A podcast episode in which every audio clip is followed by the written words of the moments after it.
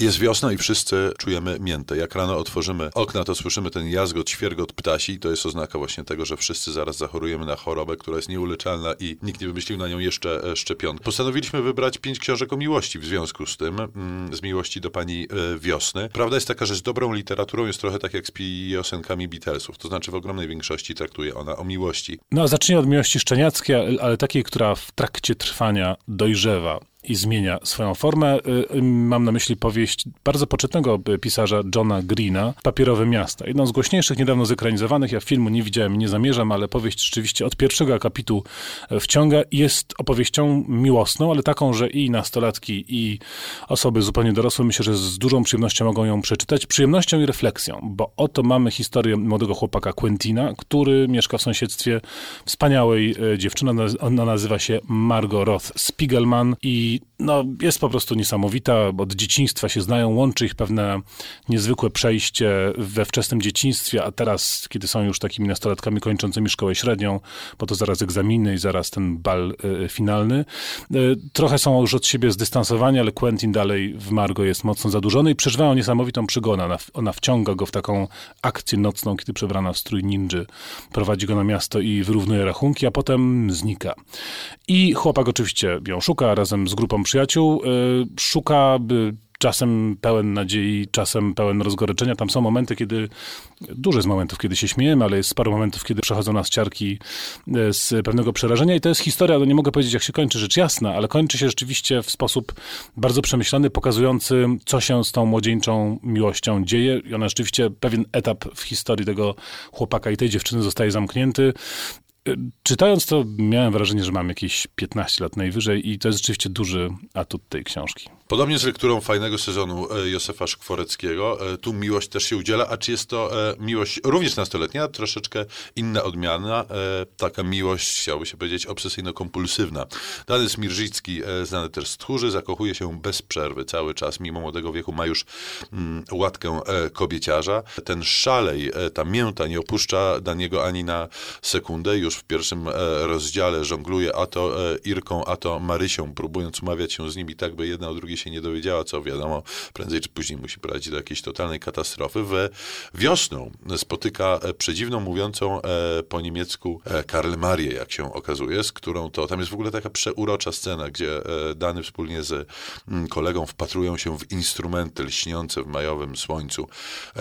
Ewidentnie w nich zakochani, no ale chwilkę później pojawia się też nieszczęsna zielona spódniczka, która przyćmiewa miłość do muzyki, miłość do instrumentów. Dany traci głowę, prawa prawa fizyki przestają działać. On e, biegnie w jakimś opętańczym szale po róże na cmentarz, spełnia każde jej życzenie, podpisuje cyrograf, zaprzedając jej swoją duszę, ale uważny e, czytelnik e, zauważa, że dzieje się coś podejrzanego, bo ta spódniczka z zielonej zmienia się na inną, malinka pozostawiona przez danego jakoś tajemniczo znika za wcześnie i jeszcze dochodzi do dziwnego omdlenia łamanego przez śmierć głównej bohaterki, która śmiercią się nie okazuje.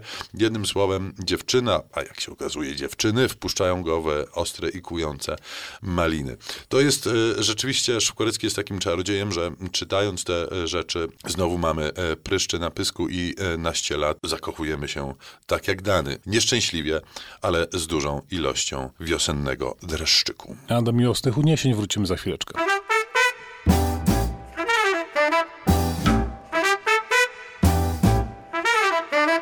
Piątka z literatury. Wybierają Szymon Kloska i Tomasz Pindel z Instytutu Książki.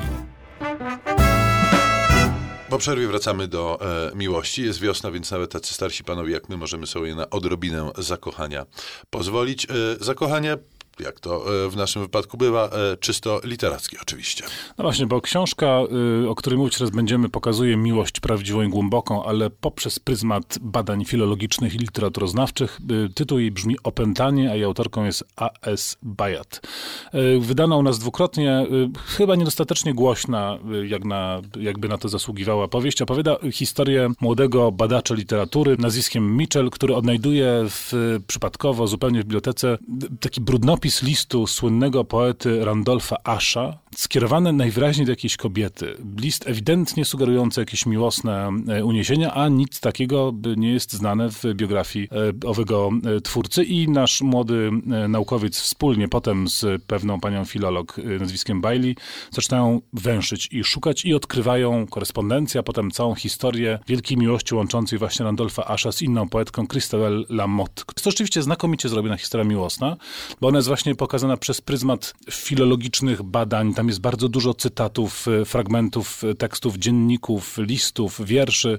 Niesamowite jest to, że autorka pani Bajat stworzyła rzeczywiście tę parę poetów, e, inspirując się rzeczywistą poezją XIX-wieczną, ale, ale stworzyła jakby rzeczywiste postaci razem z całą twórczością. I wychodzi z tego tajemnicza, pełna dramatycznych zmian i wzruszająca historia miłości tajemniczej, dojrzałej, a teraz mam nadzieję, że wybaczą Państwo odrobinę e, klasyki, no ale lista o miłościach nie byłaby kompletna bez e, romantyka. Leży przede mną tom wydany w roku 60 nakładem wydawnictwa PIW, Sylwia i inne opowiadania Gerarda de Nervala. No i skupić wypadałoby się przede wszystkim na e, opowiadaniu tytułowym, gdyż to e, taki najklasyczniejszy z klasycznych przykład m, miłości e, znowuż e, innej, a konkretnie miłości nieosiągalnej. Paryżanin, narrator pojawia się m, na prowincji i e, na tej prowincji e, zaczyna sobie e, wspominać i nie tylko wspominać. Otóż aktorka imieniem Aurelia przypomina mu dziecięcą miłość, niejaką Adrianę.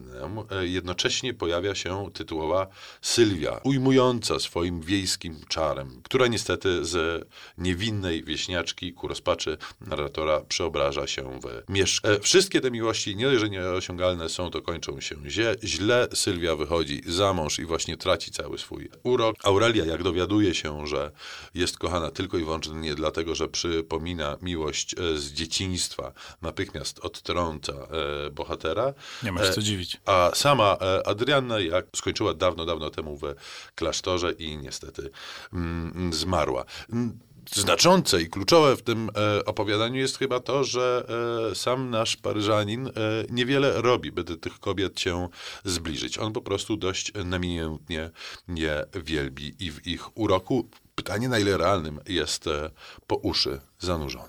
To teraz odrobinę optymizmu. Ty mówiłeś o miłościach nieosiągalnych, a teraz będzie rzecz o miłości dojrzałej i późnej, ale całkiem udanej i osiągalnej.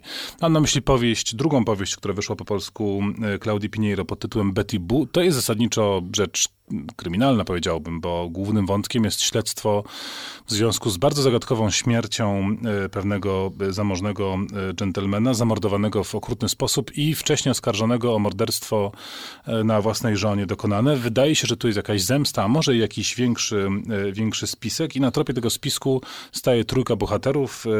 Była pisarka Nurit Iskar, dziennikarz śledczy odstawiony na boczny tor i starej daty Jaime Brena i młody chłopak, który no, przyjmuje stery od tego starego dziennikarza, dla którego dziennikarstwo to głównie Twitter i Facebook, niewiele więcej na początku przynajmniej powieści potrafi.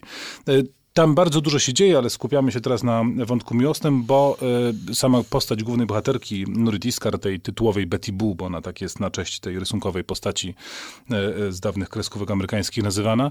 Y, Nurit Iskar, kiedyś bardzo znana i ceniona pisarka, miała poukładane życie, ale po pierwsze wdała się w romans, z, rzuciła męża i, i, i stworzy, próbowała zaczynać nowe życie, co się kiepsko, dość szybko skończyła. Zarazem napisała powieść miłosną, wcześniej pisując tylko kryminały i ta powieść miłosna była kompletną porażką i została zniszczona e, medialnie, kładąc e, kres karierze literackiej e, bohaterki.